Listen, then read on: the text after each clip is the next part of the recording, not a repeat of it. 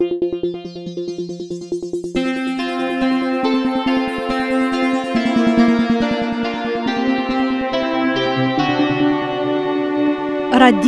Esperanto Parolas Kaliningrado. Saluton. La dudek duan de januaro, dimanche, el la Kaliningrada studio de Radio Esperanto, vin salutas Aleksandr Korzenkov kaj Halina Gorecka. Vi auscultas nian unuan ciaran son programon. Gi estas la quarda cunua lauvice, do ni comenzas la quinan jardecon de nia podcasta serio. Dum quin semainui pasintai pos nia decembra programo okazis du cristnascoi, laula Julia cae Gregoria calendaroi, cae du novier festoi, sed por ni pli gravas che je la antaulasta decembra tago aperis la januara caiero de la Ondo de Esperanto. Gi unua foie aperis kiel bitgazeto, sed ne elektronika kopio de la papera eldono. Ĉi tiun karieron Halina baldaŭ prezentos al vi, sed un mi diru ke post la somera annonzo pri la transiro de la ondo al la elektronika eldonado atingis nin multe opinioi.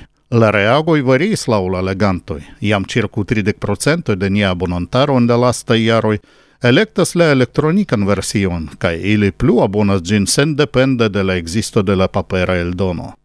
En la alia poluso estas decoi da shatantoi de paperei gazetoi, kiu preferas legi ilin kaj ne interesiĝas pri bit gazetoj kaj bit libroj.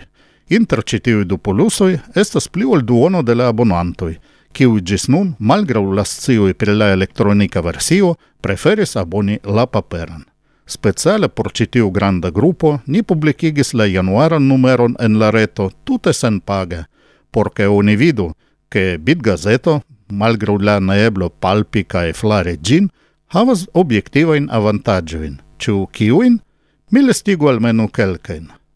Unue, Bitgazeto estas rapida pro nebezono de presado, faldado, tranciado, transportado al posto, posta sendado cae liverado surloka. Due, Bitgazeto estas malpli costa pro le mancita manco de la presado ca expedo, Finfine, kiel scribis unu el nie elegantoi, cae temas pre la conata activulino Katalin Kovac, ni cesu ricigi la poston per abon cotizoi de esperantistoi. Trie, bit gazeto obligas aperigi longain textoin, kiu entau tropazigus paper gazeton. Quare, bit gazeto estas loc spara, gin bezonas fizican locon sur breto, gi ancau estas pli ocologia, caido arbar protecta. Quine, Nu, la listo daurigeblas. Exemple, ni nagrablas surprizes, che ni ne devas tro streci le oculoin, ja nia libro legilo, ebligas per unu clavo premo pli grandigi la literoin, sed ni halto. Ni comprenas che la bit eldonajo neniam plena forpuŝos la paperoin, penso exemple pre la belei albumoi ca kaj maestro majstroverkoj de pres arto, sed paperaj informiloi de etai comunumoi jam ekmalaperas, cae ili plu malaperados, cae ni, esperantistoi, curadzu fronti la defioin de la nun tempo. kiel mi am mencis, ni publicigis la januaran ondon en la reto sen page, por che ciu desiranto povu legi gin cae decidi pri abono au bedaurinde pri ne abono. La ses de quin pagia color plena januara ondo estas nun libera el shutebla la la normoi podofo cae epubo en nia reteio, esperanto streketo ondo punto ru. Viei opinioi per la unua numero de la nova ondo, cae vi ideoi per la estontezo estas tre bonvenai. Nia faras la gazeton ne por ni mem, sed por vi, cae do ciui reagoi estos atente legatai. Nisci volas speciale pre la opinio de tiui, exemple duolinganoi, kiu gis nun neniam legis la paperan ondon kaj conatigis cun nia gazeto tra gia elektronika versio. Sed nun ni revenu al nia programo. Post citiu necutime nekutime in conduco, Halina rakontos al vi surbaza de sia artikolo en la freŝa ondo per la tre populara nia loca plado Kenigsbergaj klopsoj. Poste vi audos esperanto novajoin, conatigios cun la enhavo de la januara ondo kaj uscultos lau sezonan poemon – la programon finos nova canzono de Johnny M en Esperanto. Mi deziras al vi bonan aŭskultadon.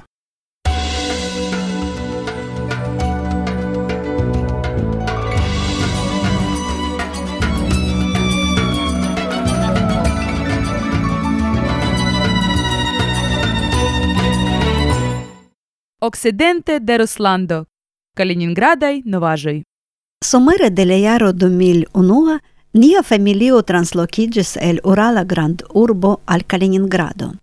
Danke alla afabla invito de Ilona Kutni, fine de septembro samjare mi venis al Poznano por rakonti alla cursanoi de la interlingvistikaj studoj pri nia libro eldonado. Post mia prezento en amica konversacio la unua demando al mi estis, ĉu mi conas la Kenigsbergajn klopsojn? Certe! Kvankam la urbonomo Königsbergo ne plu trovebla sur la modernaj mapoj, ĉi tiu plado daŭre estas konata kaj populara en Germanio, ne nur en restoracioj. Klopsoj estas vendataj pretaj en ladvazetoj, ankaŭ frostigitaj fabrikaĵoj, seka miksaĵo por prepari saucon. Oni diras, ke ĉiu hejmastrino en Germanio scipovas prepari ĉi tiun pladon. Nun kiel novloĝanto de la ĉefurbo de la iama Orienta Prusio, ankaŭ mi lernis tion. Königsbergaj klopsoj estas tradicia germana plado el muelita viando kun sauco. Sekvas recepto. Unue ni preparas farĉon. Anticipe trempu en akvo nemolan blankan bulketon, elpremu akvon kaj pecetigu per forko aldonu kvincent gramojn da vianda farcio. Podu onu el bovidajo kaj bovajo, au porcajo kaj bovajo. Unu kirlitan ovon, pipron kaj salon, pincion da muscato, bone mixu.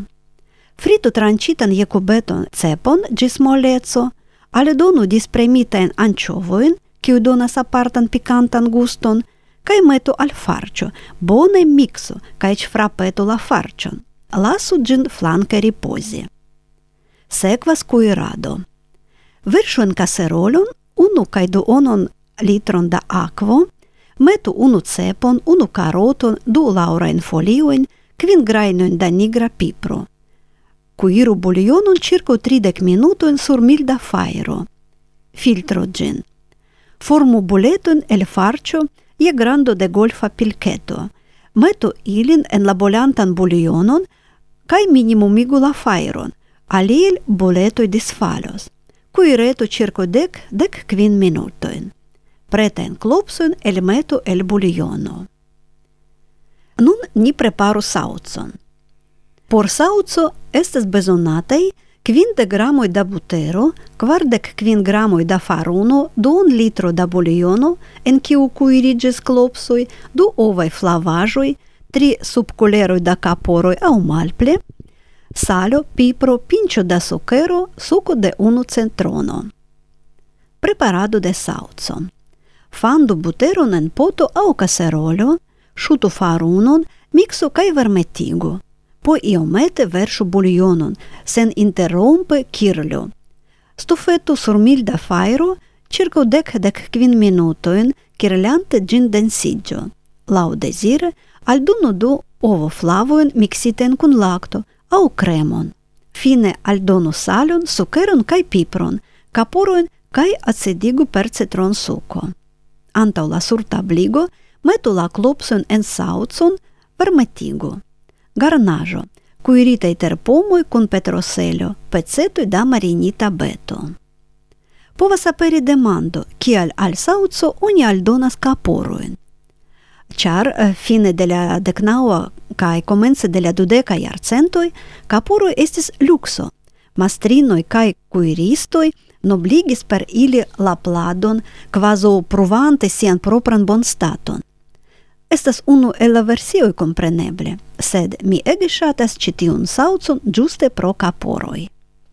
Nun tempe oni povas mangi la klopsojn, kiui estis apenau conatai en Sovetunio, Енкелке kelke дека Ленинградо: Kaliningrado – kai la plei populara novaj retejo de Kaliningrada regiono havas la nomon klops.ru. Nia familio havas belan tradicion. Ĉe vizitado de la apudmara урбо urbo Svetlagorsk, germane Rauschen, ni kutimas ен en la kafejo Vitirok, Venteto, situanta ĉe la dekliva vojo kondukanta de la supra urbo al la maro. Vitirok estas moderpreza kafejo. Ĉe tie oni servas klopsojn kun terpoma pureo kaj salato, kiu enhavas marinitan beton. La kvarcen grama porcio estas vere satiga. Venu kaj gustumu, aŭ provu prepari mem. Bonan apetiton! Cetere, caro auscultanta, ce viscias kiu plado hodio estas sur nia dimanĉa festa tablo. Mi interesiĝu ĉe Halina. Halina, kion ni manĝos? Ni manĝos Königsbergen klopsojn.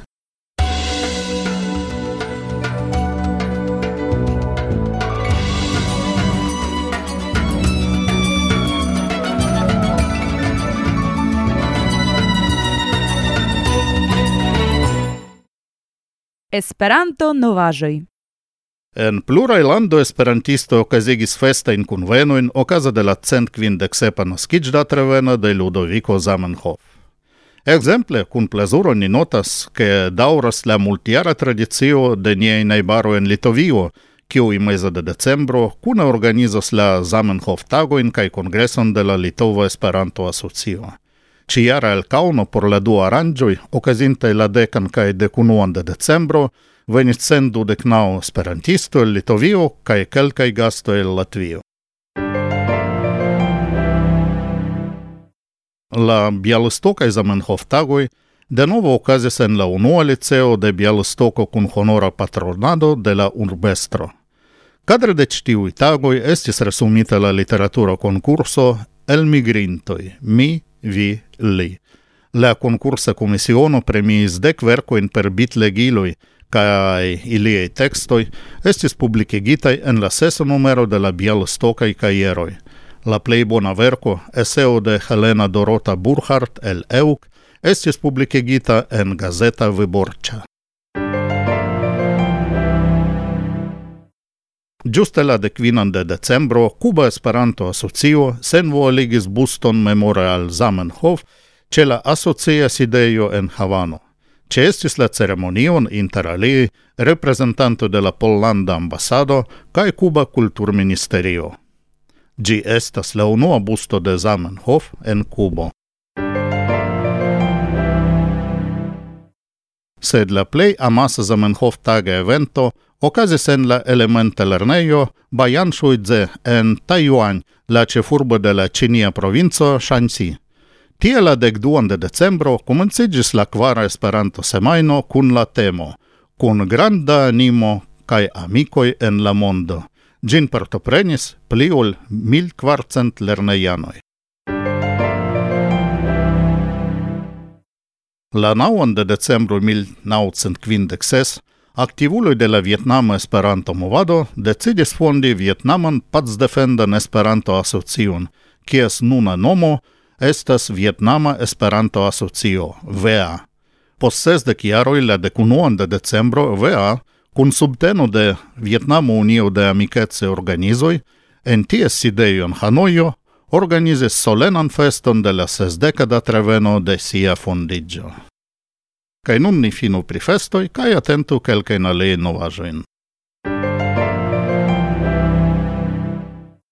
La urba komitato pri konstruado medio ke evoluigo de la Esperanto urbo Herzberg unuanime voĉdonis, ke la placo apud la federacia strato numero ducent kvardek tri kaj komenco de la pied ira zono en Herzberg en aprilo 2010 ricevu la oficialan nomon Zamenhof placo.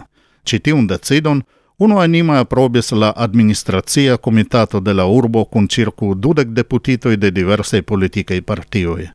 En la placo iam estas Zamenhof monumento, sterigita en decembro 2009.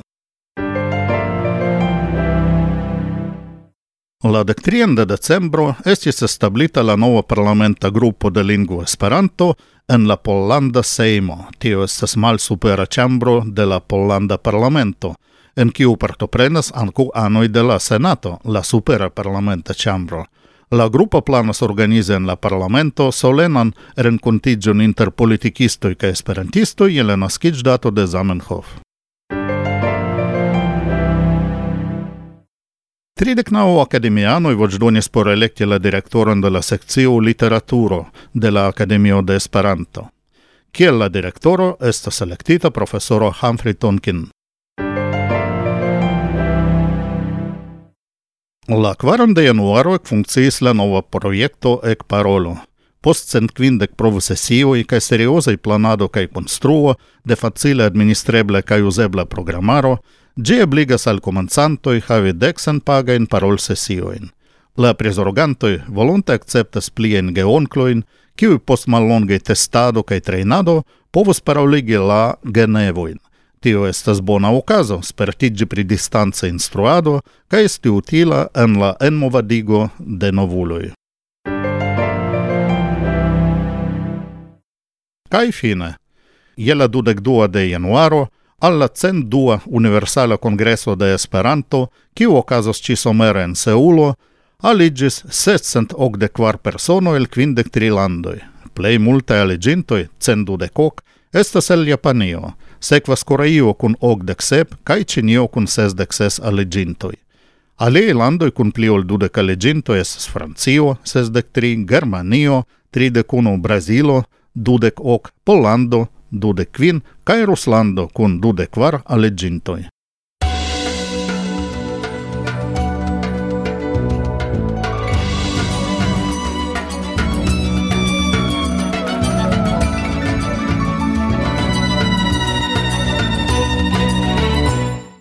Parolas Kaliningrado.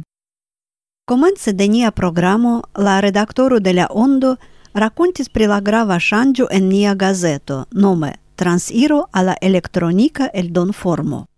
Ĉi tiu turnopunkto estas oportuna momento por fari ŝanĝojn ankaŭ en la strukturo de la gazeto. Ekzemple, vi ne plu trovos en la Ondo monatan kalendaron, komentariojn de komitatano Zo kaj la rubrikon Nia trezoro. Nia atentos jubileoin, movadain problemoin kai publikigos klerigajn tekstojn, sed ne nepre ciu numere. Tamen la ĉefaj sekcioj restis la samai.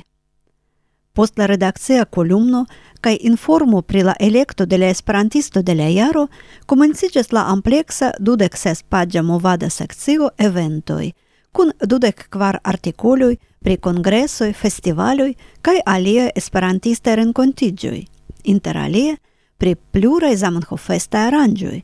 Foto de unu el ili, farita en la naskic urbo de Zamenhof, ornamas la januaran kovro pagion. Same el Bialistoko venas la unua texto en la sekcio tribuno, en kiu la prezidanto de Bialistoka Esperanto Societo Przemyslav Vežbovski clarigas la decidon de la urba consilio de Bialistoko ne nomi la 2017 jaron jaro de Zamenhof. Lamplei amplexa, sep pagia texto, en la januara ondo, estes en la seccio archivo. Temas pri raconto el pacientezo de Humphrey Tonkin, titulita CED, UNESCO, cae la post-Hamburga UEA. En la januara kultur seccio, Enestas interalie kvar vintraj poemoj originale verkitaj en Esperanto de Nikolao Hohlov, Kalman Kaloĉaj, Eugeno Mihalski kaj Hilda Dresen. Mian rakonton pri la Kenigsbergaj klopsoj, kiu aperis en la sekcio mozaiko, vi jam aŭdis, sed en mozaiko enestas interalie nova vers Enigmo de Valentin Melnikov kaj spritaj splitoj kaj presk eraroj de Ištvan Ertel – kiu helpe de si acro ocule cun laborantoi tracribras la esperantain informilojn. Ien unu ero, al kiu Ištvan donis la titolon Temp Voyaggio. Temas pri alvoco, kiun mi legas, aliĝu deca mes epoca cun kunveno en Cartvelio. Mia hodiaŭa prezento estas malpli longa ol cutime, char ciu desiranto – povas mem tute senpage elŝuti kaj legi ĉi tiun sesdek kvin paĝan numeron de la Ondo de Esperanto en nia kiosko je la adreso esperanto streketo ondo.ru. La Ondo de Esperanto en 2017 aperos ĉiu monate krom aŭgusto kiel bitgazeto laŭ la normoj Podofo kaj Epubo. Jarfine ciui abonantoi ricevos senpagan literaturan suplementon. La Ondo de Esperanto estas abonebla kontraŭ dec quin euroi por la tuta jaro ĉe landaj perantoi UEA konto kaj per la internacia monpaga sistemo PayPal. Plia informoj estas en niei reteioi esperanto-ondo.ru kaj sezonoj.ru.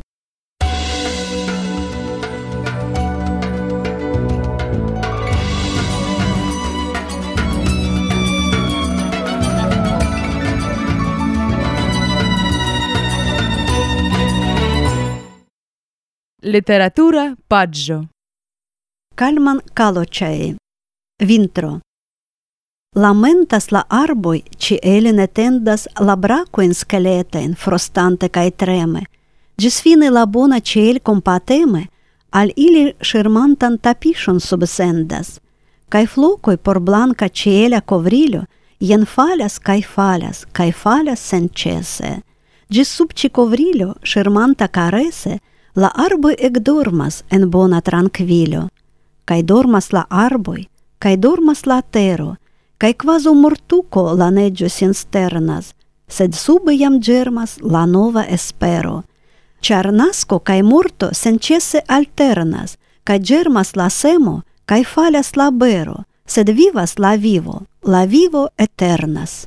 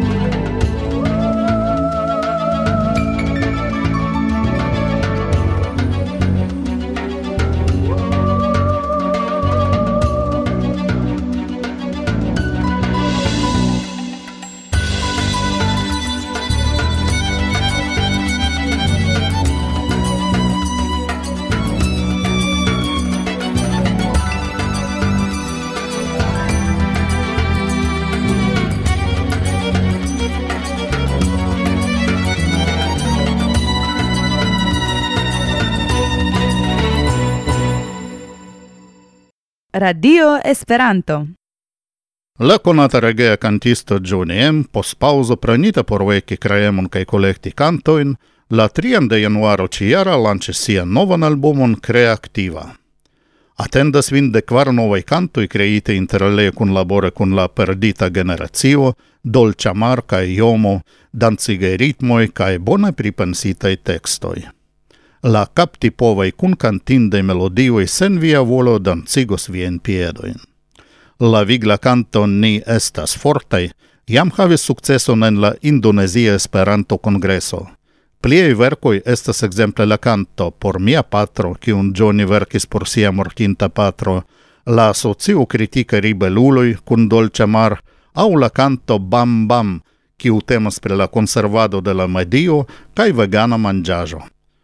Johnny M. jam fares concerto in multe landoi, kai kun tiu ci nova mojosa verko li denove concerto stra Esperantujo.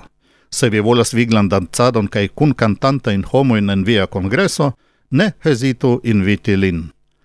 La albumo Kreativa estas disponebla por la publico ce Vinil cosmo kai en la retejo de Johnny.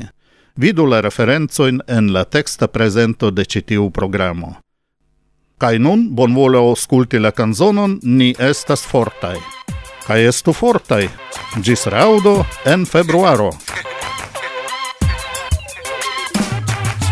Ni esperantai frenezuloi, ci amavas bonan amikon, mi zorgas pri vi, parol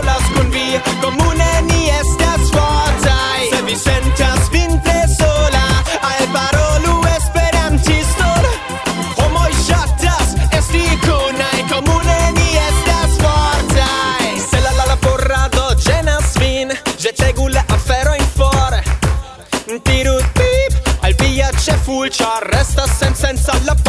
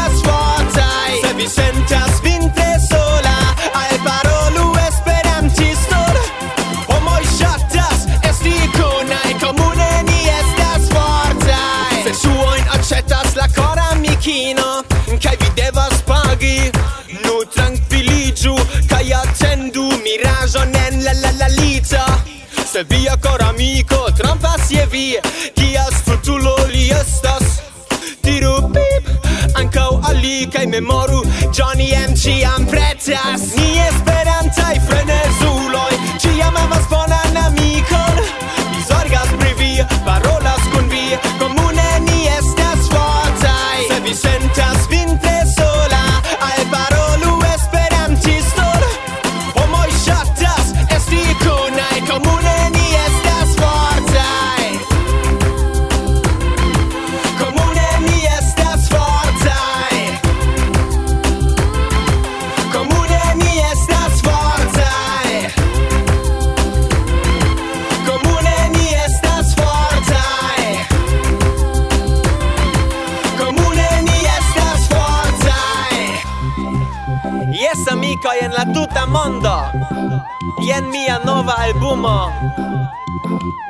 esperas ke vi ŝatas ĝin Estis multe da laboro Sed ĝi ja valoris.